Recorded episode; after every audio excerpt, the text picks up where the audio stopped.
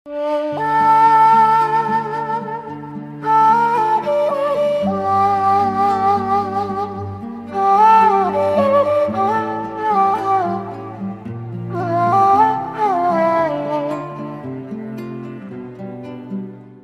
فرق كبير ما بين إن حد فعلا عنده أزمة بيشكي لك فتقعد تسمعه وما بين الشخص السلبي اللي كل نعمة تجيله يطلع لك فيها مشكلة. ويقعد يشتكي لك من معاناته حتى وهو منعم.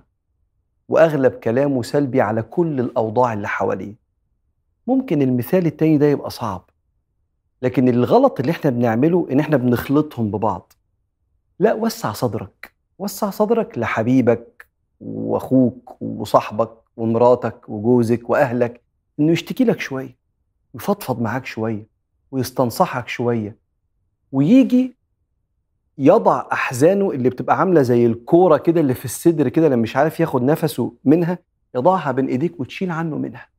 وناس كتير لما بس بتفضفض بتستريح. وهي بتفضفض بتلاقي الحل. والشخص صاحب المشكلة عمال يرتب المشكلة ويحكيها ممكن يطلع له الحل. وأنت بس قعدت تسمع. بنفس حاضرة متعاطفة حاسس باللي قدامك. أهو الصحابة شافوا النبي بيعمل كده. عنده قدرة كبيرة جدا لتحمل سماع الشكوى وبث الأحزان. راجل دخل على سيدنا النبي عليه الصلاة والسلام عايز يسلم بس حاسس بالعار من حاجة كان بيعملها زمان. قال له يا رسول الله كنا أهل جاهلية وكنا نئد بناتنا بنموت بناتنا. زمان في الجاهلية كانت الست تخلف عند حفرة. نزل ولد ما ما فيش سونار بقى يعرف بعد أربع شهور ولد ولا بنت فإحنا هنخلف نشوف. نزل ولد يعيش. نزل بنت على الحفرة على طول. أو خلاص رضعيها عندها سنتين ثلاثة نبقى نرميها في البير ولا في الحفرة وهي عندها سنتين ثلاثة وإذا الموءودة سئلت بأي ذنب قتلت. فقال له يا رسول الله إحنا كنا أهل جاهلية نئد البنات فجت لي بنت خلفتها فانتظرت حتى كبرت وتكلمت. وكانت تحب ندائي كانت تحب تسمع صوتي. فبعد ما بقى عندها سنتين ثلاثة كده وبقت تجيب يعني أقول لها يا فلانة تقول لي أيوه يا بابا. خدتها معايا وتذرعت يعني اتحججت رايحين نزور خالها. ومشيت بها في الصحراء ثم جئت عند بئر لبعض أقاربنا فدليتها فيه. وهي بنوتة كده إيه زي القمر كده سنتين ثلاثة قمت راميها في البير. وآخر عهدي بها وهي تقول يا أبتاه يا أبتاه الحقني يا بابا. فنظر فإذا رسول الله صلى الله عليه وسلم دموعه تنزل على لحيته عمال يعمل كده صلى الله عليه وسلم. فواحد من الصحابة قال له كف عن رسول الله. قد أحزنت رسول الله. فقال بل كف أنت. دعه. فإنما يشكو ما أهمه. سيبه. ده هو عنده عار جواه كبير. بينقله من صدره بين إيدين النبي كده سيبه. فأكمل القصة. فقال صلى الله عليه وسلم بعد أن مسح الدموع عن عينيه ولحيته قال إن الإسلام قد وضع عنكم أوزار الجاهلية فاستأنف عملك. يعني الكلام ده كنت بتعمله في الجاهلية لما أسلمت ربنا سامحك فابدأ من الأول وجديد. أولا النبي دايما عنده اللي شاغل باله. من سيدنا جبريل من ربنا من عبادته من أحوال الأمة. إحنا قادرين نسمع الكلام ده؟ آه قادرين. لأنه النبي.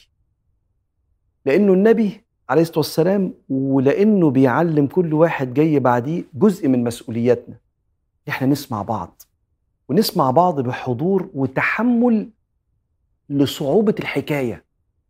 لأن في وزن لما تشيله لوحدك بيبقى تقيل أوي. لما حد يشيله معاك بيخف عليك. وبالمناسبة أنت ممكن تسمع مشكلة واحد وتقوم تعبان. ليه؟ لأنك أنت من كتر ما أنت صادق ومتعاطف وحاضر تحملت جزء من وجعه وقمت. بس أنت عالجته.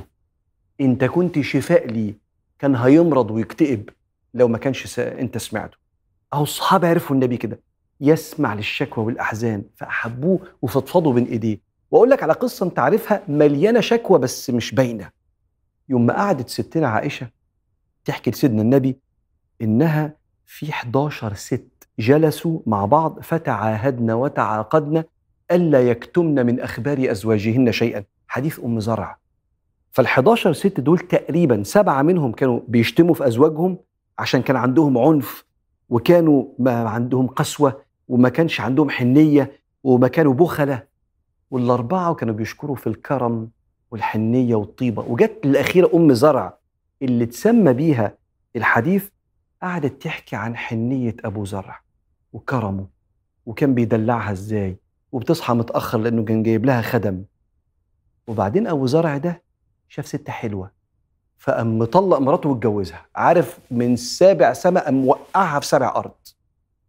الست وهي بتحكي كده لجوزها تبقى باصة في عينيه هو بيقول أيوه مثلا يا إحنا أيوه ما كان لازم يضربها طبعا ويبهدلها ما الستات مش عارف إيه. أو يقول يا ده الحنين ده والله جميل والله يا الرجالة الحنينين دول طيبين والله يعني يا ريت الواحد يبقى كده. الست وهي بتحكي لجوزها المشاكل تبقى مستنية تشعر بالأمان. سيدنا النبي يسمع. 11 قصة. صفحتين ونص في كتب أهل العلم. 11 قصة. وهو النبي عليه الصلاة والسلام أنا ممكن يبقى يومي كان فاضي فأنا مراتي بتحكي لي حاجة أنا أصلا فاضي. النبي مش كده. النبي النبي عليه الصلاة والسلام أثقال الأمة كلها في قلبه وعلى كتافه. فهي بتحكي له 11 قصة. فلما النبي سمع قصة أبو زرع اللي فيها راجل حنين بس طلق مراته لما شاف واحدة أحلى. قام قايل للسيدة عائشة كنت لك كأبي زرع لأم زرع غير أني لا أطلقك. آه لا ده بيسمع وحاضر وبيدي كمان الإجابة اللي تطمن فهم عرفوه بيستمع للشكوى والأحزان بالنفس الحاضرة المتعاطفة دي فأحبوه.